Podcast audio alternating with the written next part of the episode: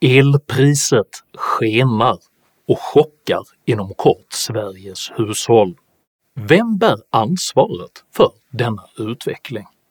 Vad blir konsekvenserna för det svenska samhället? Och hur skildras egentligen denna krissituation i media? Dessa frågor tar jag upp i veckans videokrönika om elchocken. Uppskattar du mina filmer så hjälper du mig att kunna fortsätta göra dem om du stöttar mig via något av betalningsalternativen här nedanför. Det är nämligen endast tack vare ert generösa och frivilliga stöd som jag kan fortsätta att utveckla denna kanal, så ett stort stort tack till alla de av er som bidrar. Idag talar jag om energi, ekonomi och egenmäktighet. Häng med!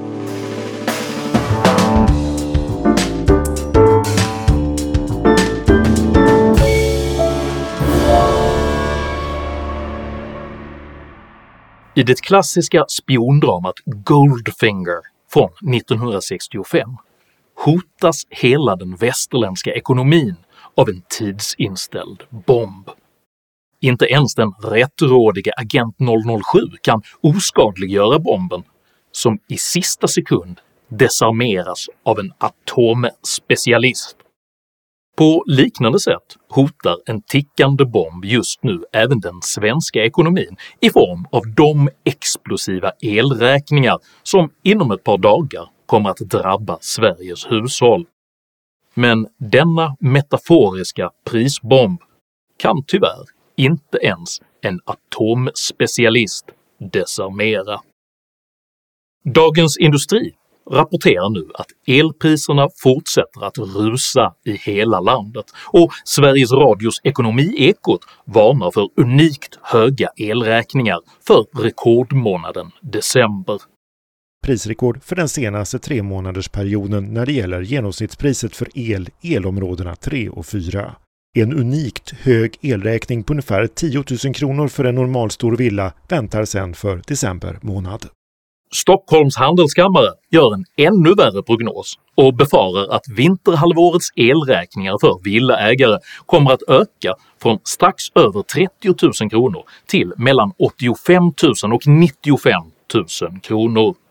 Detta är nära en tredubbling jämfört med förra årets redan historiskt höga elpriser och en fyrdubbling jämfört med elpriserna för bara två år sedan.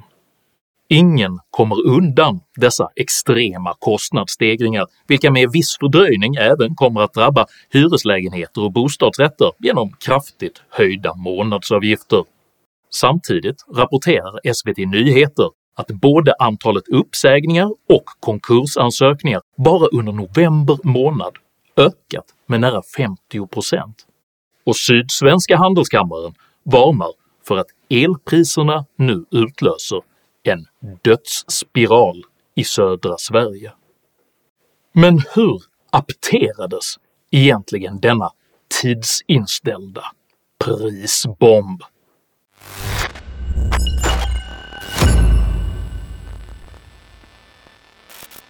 Under sommaren har uppgifter framkommit som avslöjat mycket allvarliga problem med Sveriges energipolitik.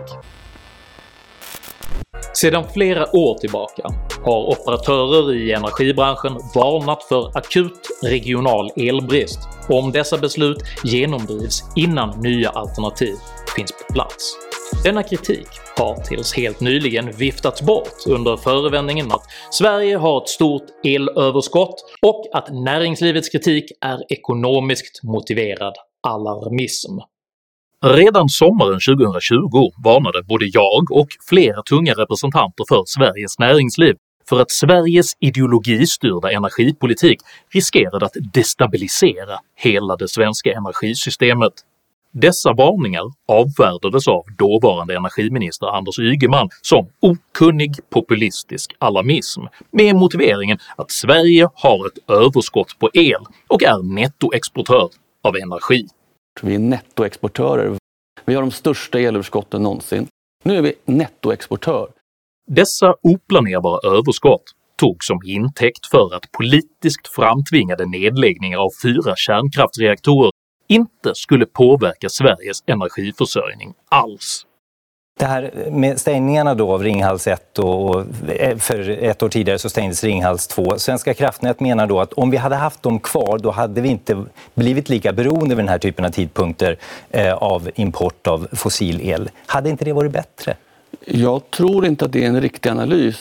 Hade vi haft de här kärnkraftverken så hade vi behövt importera mindre. Det är väl inte en orimlig tanke? Nej, men hade inte det varit bättre? Nej. Du ser liksom inte det problemet som många inom industrin och även dina politiska motståndare och så där pekar på, eh, att tar man bort kärnkraften så får man problem med elförsörjningen i, i södra Sverige. Du måste ju göra andra saker samtidigt. De andra saker som Ygeman menade att man måste göra hade dock två problem. De funkade inte och man gjorde dem inte. För det första så var förhoppningen att oplanerbar vindkraft skulle kunna ersätta planerbar kärnkraft rent önsketänkande, och för det andra hade man inte undersökt om folk verkligen ville ha kolossala propellerskogar över hela Sverige. Och det ville nästan ingen.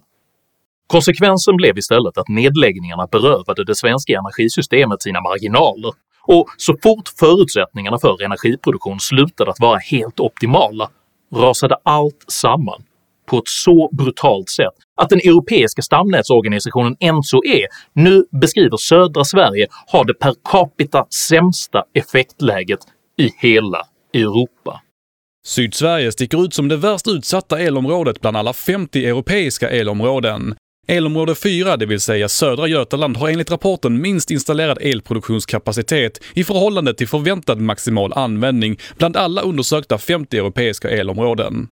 För att frisvära sig från ansvaret för detta haveri skyller vänsterpartierna nu på tre externa faktorer. 1. Sveriges höga elpriser är Putins fel. Fel! Det är sant att Putins krig har drivit upp kontinentens energipriser, men det är Sveriges avvecklade planerbara marginaler som gör att Sverige nu exponeras mot kontinentens priser. Enkelt förklarat beror detta på att södra Sverige tidigare kunde fylla exportkablarna och sedan låta överproduktionen driva ner de lokala elpriserna. Att beskylla Putin för de svenska elpriserna kan därför jämföras med att först avveckla sin fulla frysbox och sedan beskylla kapitalismen för att det är dyrt med ny mat. 2. Sveriges höga elpriser är marknadens fel. Fel! Eftersom vänstern varken förstår eller vill ha fria marknader så utnyttjar man denna politiskt framdrivna energikris för att ställa krav på ekonomisk protektionism och förstatligande. Föreställningen att man skulle kunna korrigera konsekvenserna av Sveriges politiskt avvecklade baskraft genom prisregleringar och protektionism är dock lika befängd som när kommuniststaterna under 1900-talet försökte tvinga fram välstånd genom att bygga murar runt sina egna befolkningar. Tvärtom skulle konsekvenserna av prisregleringar och handelsförbud vara kontraproduktiva eftersom de eliminerar både drivkraften för produktionsökningar och folkets incitament för rationell energieffektivisering. Vägrar man vara del av marknaden för export blir det dessutom svårt att vara del av marknaden för import, vilket i förlängningen skulle innebära att Sveriges allt mer oplanerbara energisystem garanterades frånkopplingar så snart vinden mojnade under vintermånaderna. Att först lägga ner vital kärnkraft och sedan lämna den europeiska elmarknaden motsvarar således att först fylla igen sin egen brunn och sedan koppla bort sig från det allmänna vattennätet med förhoppningen att få mer vatten. 3. Sveriges höga elpriser är högerns fel. Fel! Den progressiva klimatopinionen påstår återkommande att högern stoppar ny vindkraft som annars snabbt skulle lösa Sveriges effektbrist. Denna föreställning är direkt lögnaktig. För det första så finns det inget politiskt motstånd mot några energikällor alls så länge de kan bära sina egna kostnader och byggas där folk accepterar dem. För det andra så är det folkets vilja som speglas när man på kommunal nivå säger nej till vindkraftparker som man inte vill ha som granne. Faktum är att även miljöpartistiska kommunalpolitiker har tagit strid mot vindkraftsetableringar i både Arvika, Filipstad, Uppvidinge, Uddevalla, Bergs, Sollefteå och Jönköping. Vänsterns fiende gällande vindkraftsutbyggnaden är således inte högern, utan demokratin. Som om inte allt detta vore nog så kan inte mer oplanerbar kraft lösa Sveriges effektproblem, utan gör istället energisystemet mer instabilt på grund av de allt större fluktuerande energimängder som kräver hastig basenergikompensation. I grund och botten är det hela ganska enkelt. Om man avvecklar produktion så får man mindre produkt. Eftersom man har stängt av fyra kärnreaktorer har södra Sverige nu effektbrist. Denna enkla och ofrånkomliga sanning är dock oacceptabel för delar av den aktivistiska vänstern som istället nu trasslar in sig i allt mer långsökta bortförklaringar om varför kärnkraften är en betydelselös symbolfråga.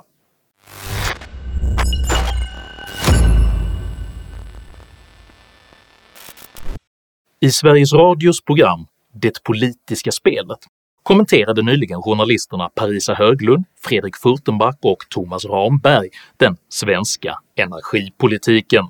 Så här lät det i 30 minuter för någon vecka sedan. Vi har en situation där, där Sverige faktiskt nedmonterat sin, sitt elsystem.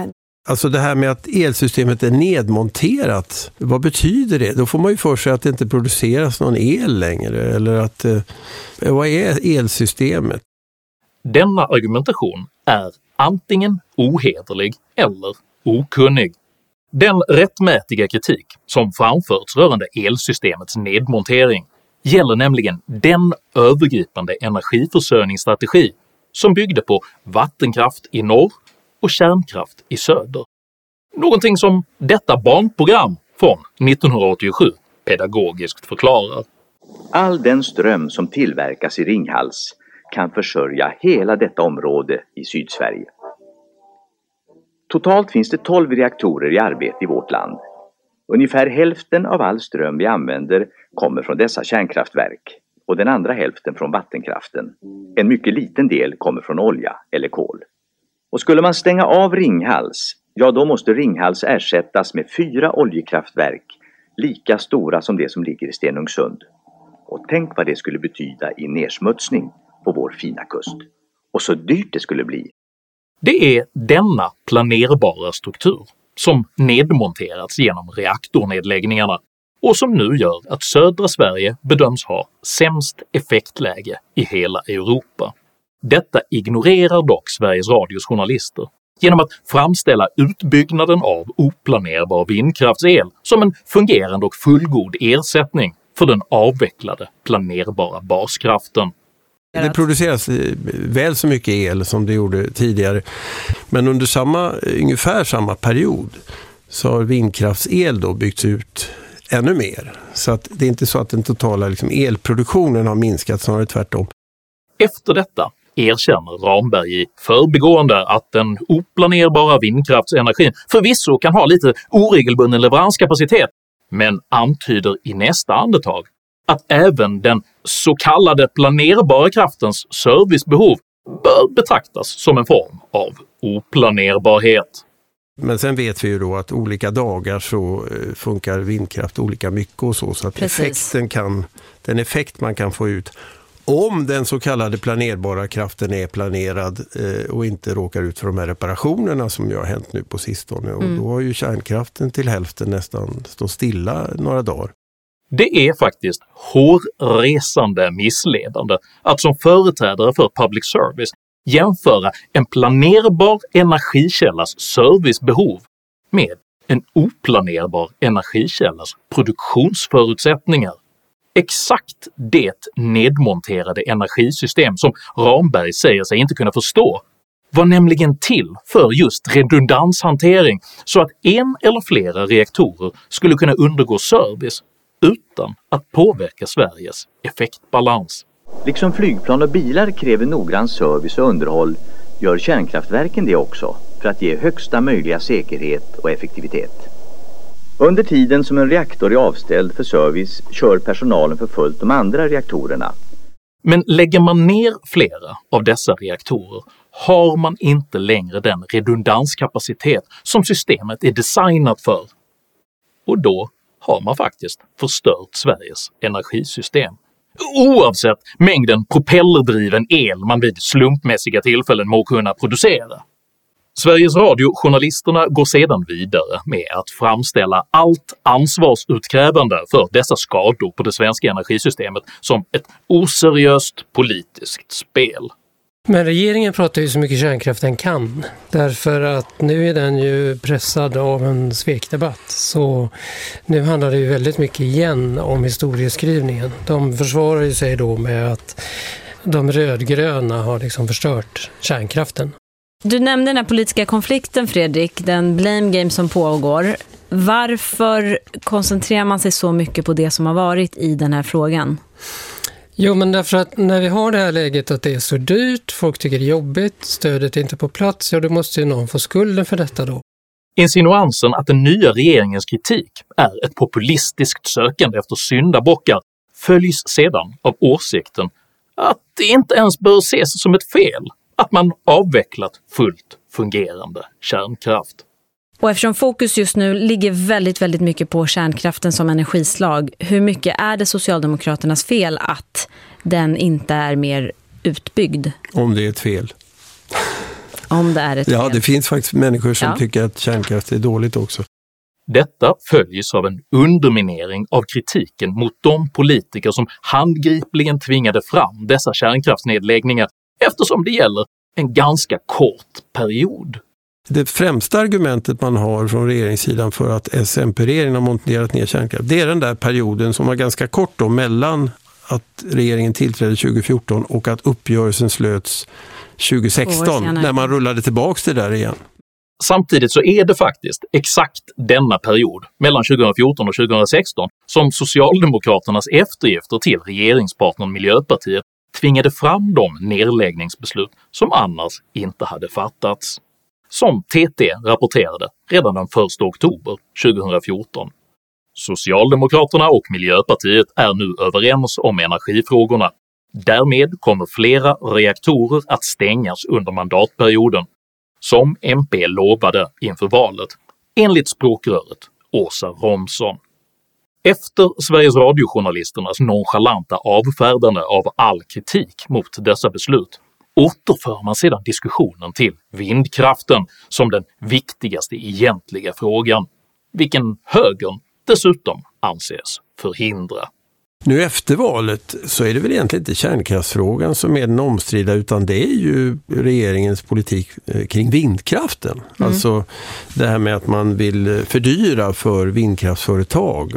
Denna passivt aggressiva diatrib kröns så slutligen med det lakoniska konstaterandet att kärnkraften på ett olyckligt sätt blivit en symbolfråga vars blotta omnämnande antyds aktivera orimliga nätkrigare och reaktioner i mailboxen. Och nu har ju kärnkraft blivit en symbolfråga. Och om man skriver eller säger någonting om den överhuvudtaget så vet man ju vad som händer i mejlkorgen. Givet Furtenbachs resignerade avslutning får man förmoda att hans mailbox helt enkelt konfronteras med folkets rättmätiga vrede över den typ av illa dold antikärnkraftsaktivism som han och hans kompisar precis har ägnat 30 skattefinansierade public service-minuter åt. Men kärnkraften är ingen olycklig symbolfråga. För kärnkraften är en klassfråga. Att försvara en ännu inte utbyggd, oplanerbar och fördyrande energipolitik är nämligen en lyxåsikt som endast privilegierade klasser har råd att hålla sig med. Kärnkraftsmotståndet och vurmen för vindkraft nyttjas av dessa grupper som en chic grön modeaccessoar som indikerar moralisk status inom den egna sociala gruppen, helt utan vare sig hänsyn eller förståelse för de människor och de företag vars överlevnad denna politik på riktigt nu hotar. Vår reporter Simon Krona provade att elbanta hela november och så här gick det för honom. Nu, nu är jag alltså klar och den här månaden så är jag alltså nere i 169 kilowattimmar. Så vilket motsvarar en minskning med 58 procent. Det är ju, det är ju för jävligt bra. Och i ärlighetens namn, ja, det är under all kritik att flera högerpartier tidigare medverkade i energiöverenskommelser som bidragit till denna utveckling. Ja, det är uselt att den nya regeringen släppt igenom en absurd skattehöjning på el mitt i rådande energikris och att de är så senfärdiga med ett nödpaket till hushållen. Och ja, energimarknadens utformning är dålig och i behov av reformer som speglar samtidens energi och säkerhetsbehov. Men ytterst är inte energikrisen en fråga om höger eller vänster, utan en fråga om idealism eller realism. För varken bidrag eller regleringar eller politik kan långsiktigt lösa dessa problem. För det kan bara ny planerbar energi göra. Och alla vi som nu sitter fastkedjade vid den energipolitiska tickande bomb som inom ett par dagar hotar att eventuellt slita landet i stycken gör klokt i att identifiera vem som apterat den. Den nya gröna aristokratin. Om du uppskattade innehållet i denna video så hjälper det mycket om du delar den med dina vänner och kanske till och med stöttar mitt arbete via något av betalningsalternativen här nedanför. Dela gärna med dig av dina egna åsikter och erfarenheter i kommentarsfältet här nedanför, men jag ber dig att alltid vara artig. Jag accepterar inte aggression, personpåhopp eller rasism i mina idédrivna kommentarsfält. Tack för att du som kommenterar respekterar detta. Jag heter Henrik Jönsson och jag föredrar planerbar realism framför oplanerbar idealism. Tack för mig och tack för att du har lyssnat.